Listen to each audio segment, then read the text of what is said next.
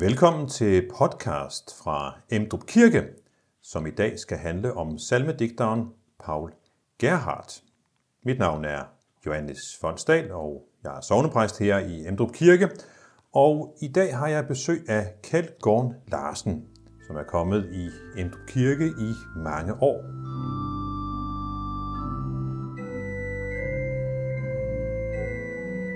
Kjeld, øhm, hvorfor mener du, at det er relevant at se lidt nærmere på Paul Gerhardt?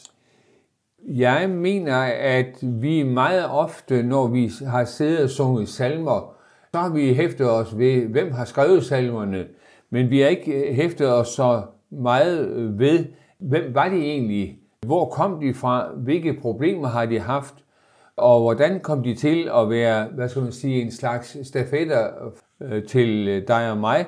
Om øh, Guds riges arbejde. Så det har du øh, forsøgt noget, at gøre noget ved, ved at, øh, ved at se lidt nærmere på øh, Paul Gerhardt. Ja, det vil jeg i hvert fald gerne forsøge at gøre noget ved, og, og øh, jeg synes, han er virkelig ved at, øh, at dvæle lidt ved, fordi selvom han er, er gammel dato, øh, så er det, han siger, øh, virkelig vedkommende for os i dag. Øh, forud for udgivelsen af den tidligere øh, danske salmebog, jeg tror det var i 2003, så blev der lavet en undersøgelse, som gik ud på at finde ud af, hvilke øh, salmer er det danske folks yndlingssalmer. Resultatet af den undersøgelse viste, at efter altid frejdig og helt dig frelser og forsoner, Så kom på tredje pladsen, befal du dine veje, og under den salme står navnet Paul Gerhardt og årstallet 1653. Så man kan sige, at Paul Gerhardt han, øh, har skrevet en af de mest elskede øh, salmer, som vi har i vores salmebog, Befal du dine veje. Ja.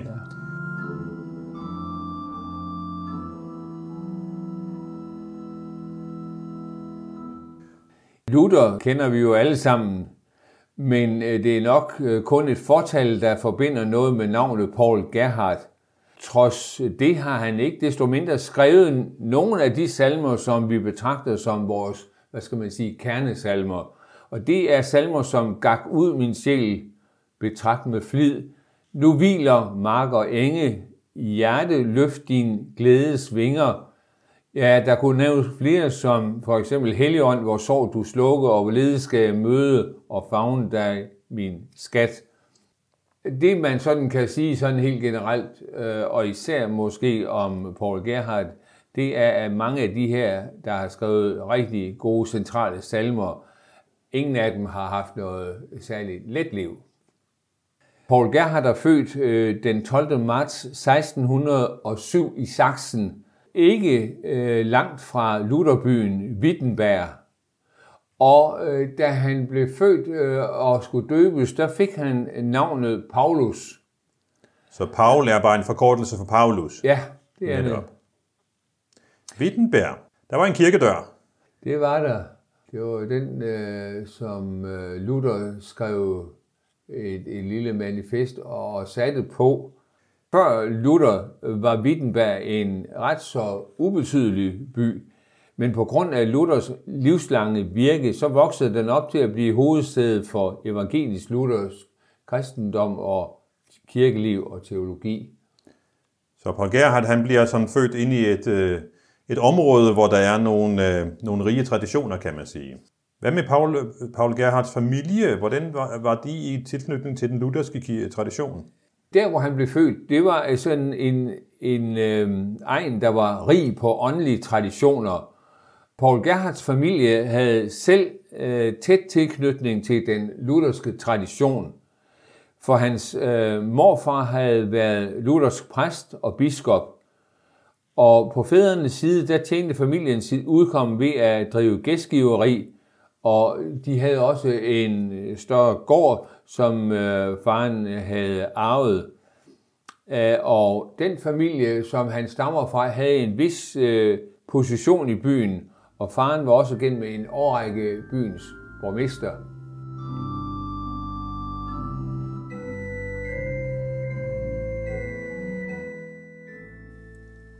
Det er ret tidligt i, i, i hans liv, at han, han øh, kan man sige, møder livets barskhed og korthed, mm. kan man mhm. sige. Da han var 12 år, så mistede han øhm, sin far, og to år efter, så mistede han sin mor. Det var sådan for ham en temmelig følelsesmæssig barsk oplevelse. Økonomisk kom det ikke sådan til at betyde særlig meget for familien, fordi de havde både den, øh, de havde både den store gård og gæstgiveri, øh, som øh, forblev i slægtens eje. Og det betød så, at øh, børnene kunne fortsætte øh, skolegangen i de øh, steder, hvor de gik. Som 15-årig, der blev øh, Paul Gerhardt sendt på den samme skole, som broren nylig havde forladt, og det var absolut ikke nogen spas med den, det skoleophold. Men han holdt pladsen i modsætning til broren. På den tid, tid var der i skolevæsenet virkelig justits, så det battede noget. Dagsprogrammet startede gerne med, at man stod op klokken 5, og herefter var der morgenmad, og så gik man i gang med et meget spækket undervisnings- og korsangsprogram. Luther havde godt nok oversat Bibelen til tysk, men ikke desto mindre var det de gamle sprog som græsk og latin, der havde en ret så fremtrædende rolle i datidens skole. Som jeg lige nævnte, så var skolen øh, temmelig, øh, et, et temmelig hårdt sted at være. Der var strenge regler, der nøje skulle overholdes. Der var således aldrig øh, frikvarterer. Nå for søren, det var jo en hård, hård omgang, må man sige. Det skulle man tro. Ja. Man holdt kun fri, når man skulle spise, og man måtte ikke have det mindste med de omkringliggende øh, beboere, eller de, der boede i nærheden af skolen i byen at gøre, og al kommunikation skulle foregå på græsk og latin.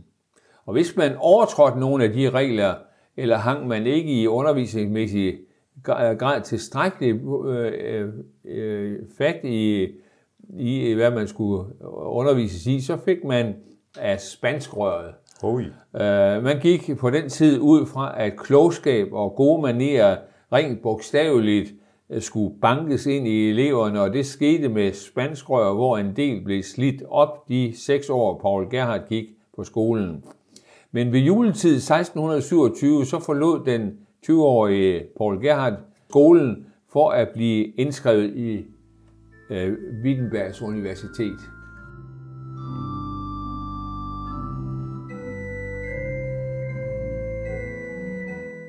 Nu er han så klar til, at gå det, det næste skridt. Wittenberg og Luther, det har vi tidligere været inde på, de, øh, de hører sammen. Wittenberg var Lutherdommens højborg og samtidig midtpunkt i kampen mod katolicismen og de reformerede.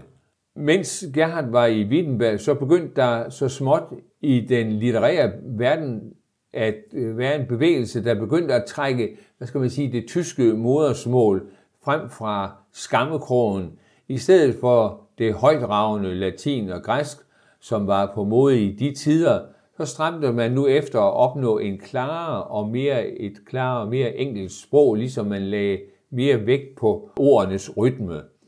Og de her strømninger, der nye strømninger, øh, fik meget stor betydning for Paul Gerhardt og hans digtning.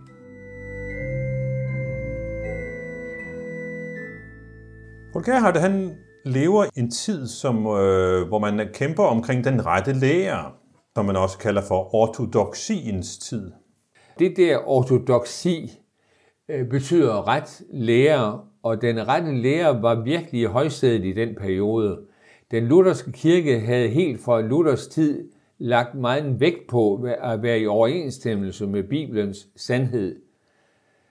Evangeliet havde været fordunklet på mange måder i datidens katolske kirke, og derfor lå det Luther meget stærkt på sinde, at ingen måtte få lov til at, hvad skal man sige, sløre det rene evangelium, som alene kunne give anfægtede mennesker fred i deres samvittighed og glæde i troen.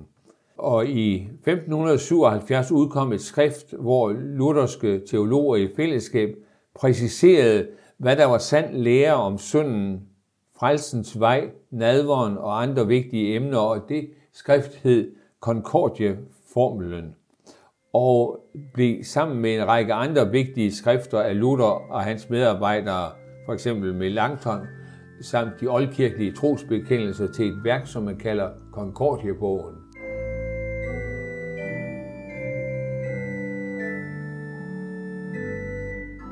Hvis vi vender tilbage til øh, Paul Gerhardt og hans privatliv, så møder han en kvinde. Ja, det gjorde han, og det øh, udviklede sig til, at han den 11. februar 1655 blev gift med Anna Maria Bertholdt.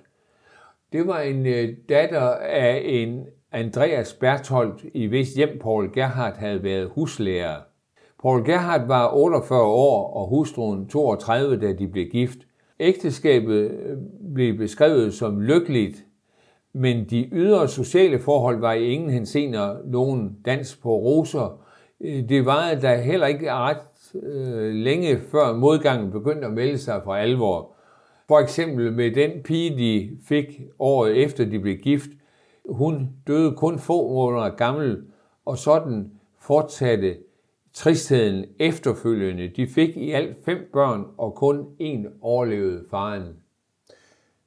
Det var jo en trist start på, på ægteskabeligt liv, men hvis vi nu spoler tiden fire år tilbage, så, så, så inden han blev, blev gift, kan man sige, så, så var han jo blevet præst. Som 44-årig, der fik Paul Gerhardt sit første præstembede, og det var i byen Mittenwalde, syd for Berlin. En by, som blev stærkt beskadiget under 30-årskrigen. Nu siger du 30-årskrigen. Det var jo en krig, som gik hårdt ud over Tyskland. Det må man sige var en meget sørgelig øh, tid for Tyskland.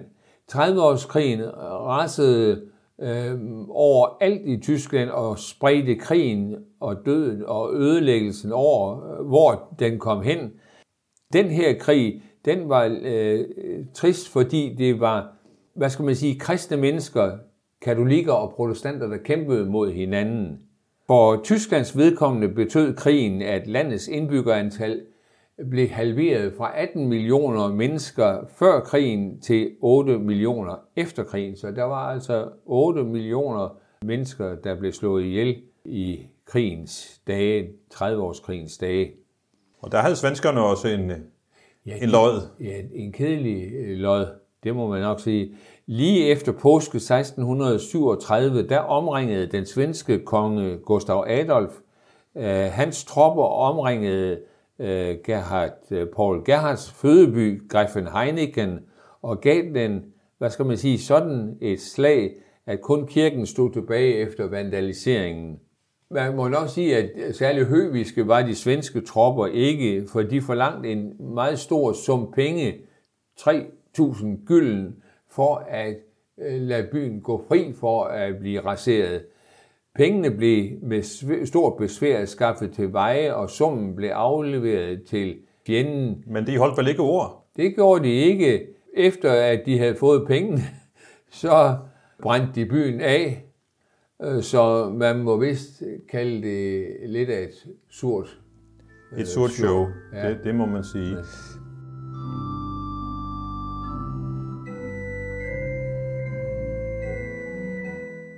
Vi spoler tiden en lille smule længere tilbage til 1643, hvor Paul Gerhardt var i Berlin. Der var han ikke i Berlin som præst, men som huslærer for øh, den øh, meget anset og fromme advokat Andreas Berthold, og, altså, øh, og for hans børn. Og det er der, han jo møder Det er der, han sin, møder sin, sin kommende kone. Ja, netop. Ja. Men det der Berlin-ophold fik betydning for Paul Gerhardt i flere henseender. For det første lærte han, som vi har tidligere nævnt, øh, hans senere hustru at kende, men også derved, at han kom i forbindelse med en mand, der hedder Johan Kryer, kantor og organist ved Nikolajkirken i Berlin. Det er jo en fyr, hvis navn vi de fleste af os ikke kender noget til. Hvis vi ikke kender til hans navn, så kan vi meget ofte kende til hans frembringelser. Der er enormt mange melodier, øh, som, øh, øh, som er lavet af Paul Gerhardt, som Johan Kryer satte melodier til. Paul Gerhardt lavede tekst, og Johan Kryer lavede melodi. Melodierne, ja. Ja, kunne du nævne nogle af dem? Det kan jeg godt, øh, fordi øh, Nu hviler Mark og Enge er en af dem. En anden, som vi kender også godt, og som vi vel sagtens kan synes er en salmemæssig ørehænger, øh, det er sådan en som Hjerte løft din glæde svinger, eller Min Jesus, lad mit hjerte få en sådan smag på dig. Ja, der er flere. Jesus, han er sønders ven, og Jesus, livets sol og glæde. Altså en hel masse rigtig gode, centrale salmemelodier har Kryer lavet.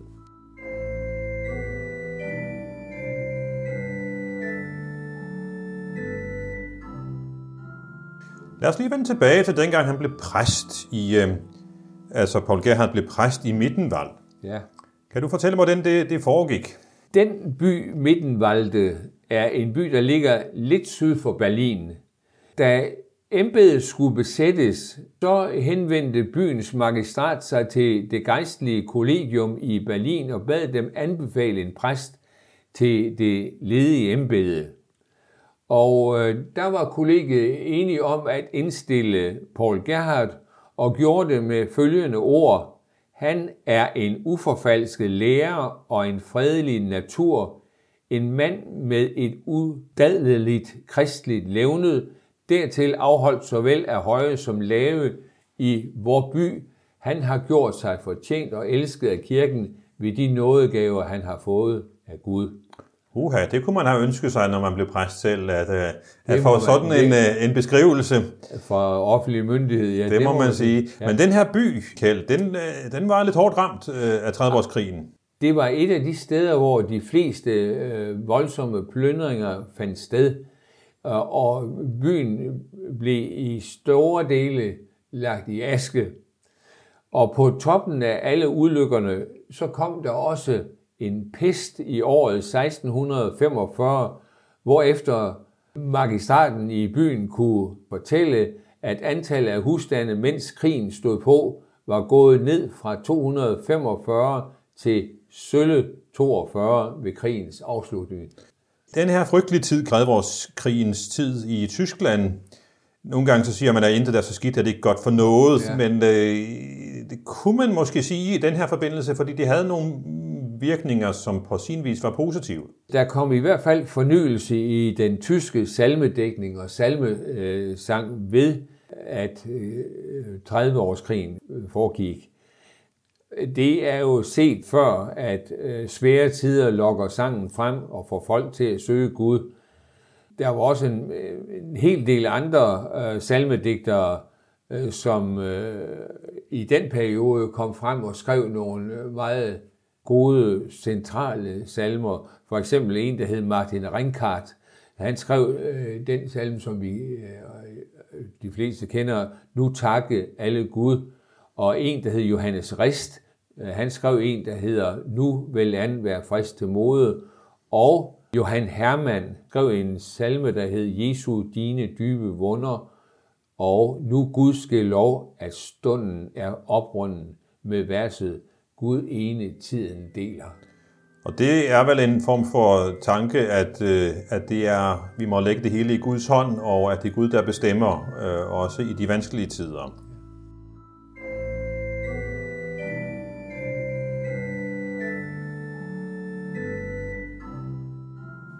Men øh, udover alle de her fortrædeligheder, som krigen og pesten kom til at betyde for Paul Gerhardt, så kom han også til at opleve noget lidt mere personligt udfordrende? Det må man nok sige. Kurfyrsten af Sachsen var fyrste i det område i Brandenburg, hvor øh, Paul Gerhardt udøvede sin præstevirksomhed. Den kurfyrste ville tvinge øh, blandt andet Paul Gerhardt til at gå over til de reformerte, den reformerte kirke.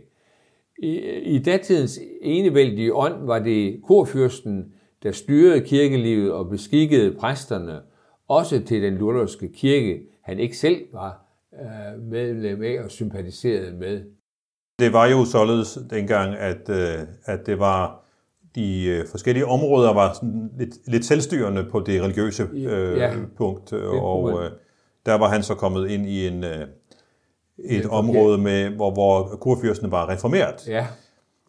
Men nu taler vi om de øh, reformerte og lutheranerne. Der er nogle øh, ligheder og, og nogle forskelle. Ja, de var fælles om troen på Gud og Jesus. Man kunne også blive enige om, at man bliver frelst af noget, og at Bibelen er autoritet for kirken. Men sakramenterne så man ikke ens på. Hvor Luther talte om Jesu virkelige nærvær i nadvårens elementer i og med og under brødet og vinen, så opfattede de reformerede brødet og vinen mere symbolsk.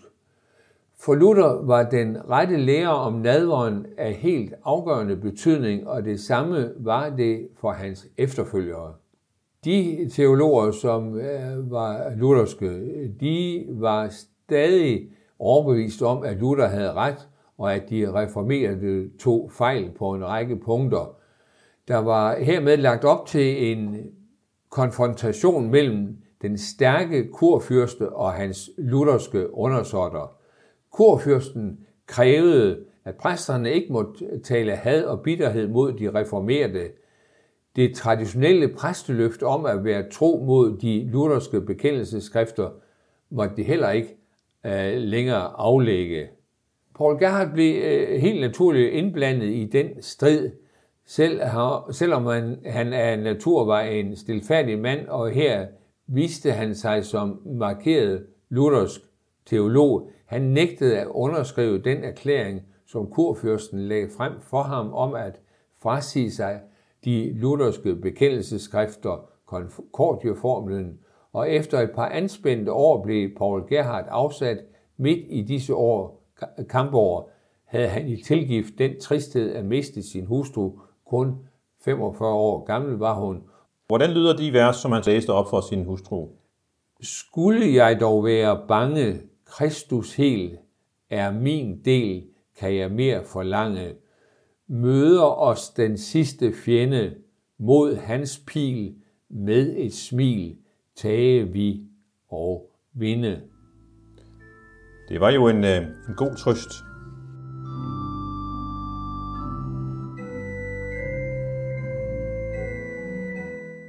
Paul Gerhardt, han mister sin hustru, selvom hun er relativt ung.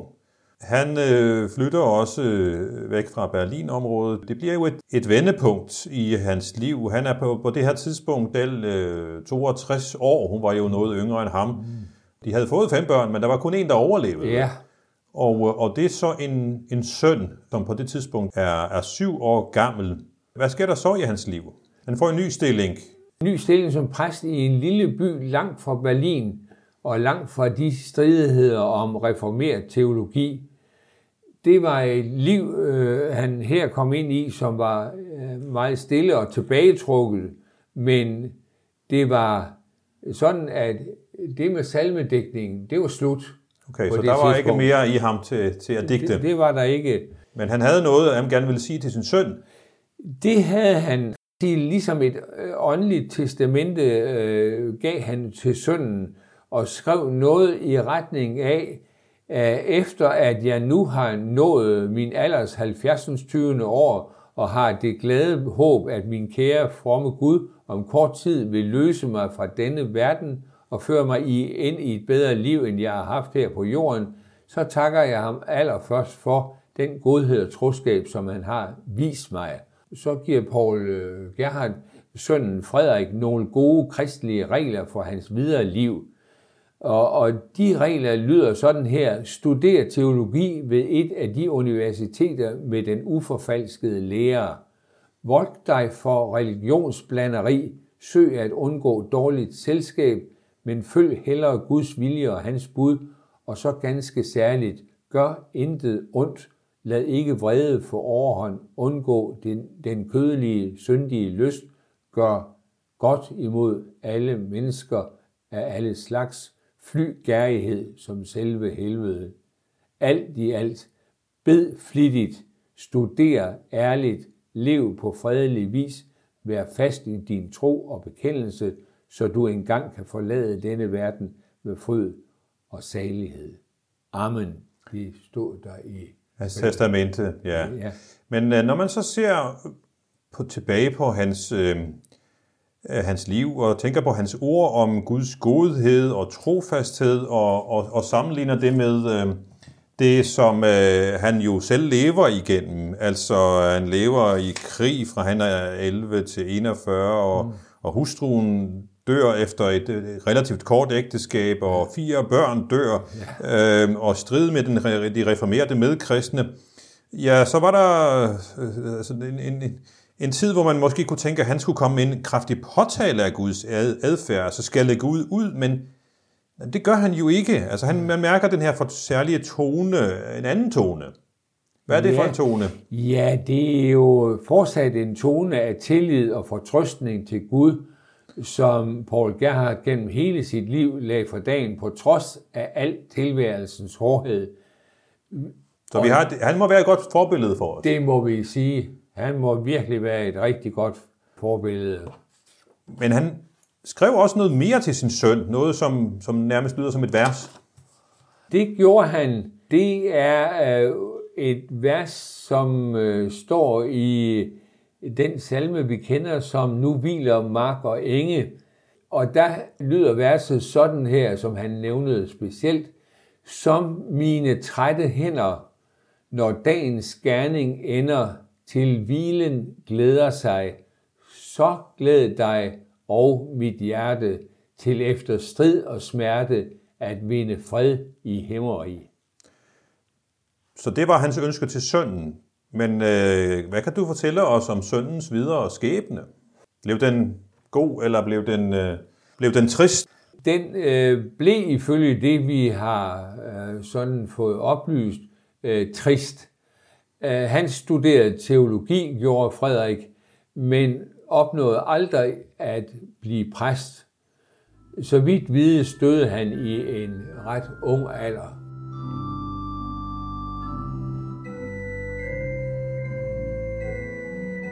Nu sidder vi her på, på lang afstand af, af Paul Gerhards liv, og øh, hvis vi nu hen mod afslutningen skal, øh, skal se tilbage på, på hans liv og, og hans salmer, hvad vil du så fremhæve? For mig har det haft betydning at mærke den særlige tone af tillid og fortrøstning til Gud, som Paul Gerhardt gennem hele sit liv lagde for dagen, på trods af al tilværelsens, øh, hvad skal man sige, hårdhed. Øh, Paul Gerhardt har gennem alle årene givet os stor opbyggelse gennem sin salmeskat. Paul Gerhardt døde den 27. maj 1676, otte år efter at hustruen døde. Paul Gerhardt fandt på sit dødsleje også trøst i en af sine egne salmer, og navnlig øh, et vers, der lyder sådan her, Os dog ingen død kan døde, men dens bud løser ud tusind folk af møde lukker dør for sorgestemlen, så vores sti bliver fri ind til fryd, fryd i himlen. Det synes jeg var en, øh, en god afslutning på vores øh, samtale om Paul Gerhardt og hans liv og salmedækning og betydning for os. Så nu tænker jeg, at næste gang vi synger Befal du dine veje, eller en af de andre salmer, som han har skrevet, så klinger der forhåbentlig lidt med af hans øh, liv og, og livshistorie i baghovedet.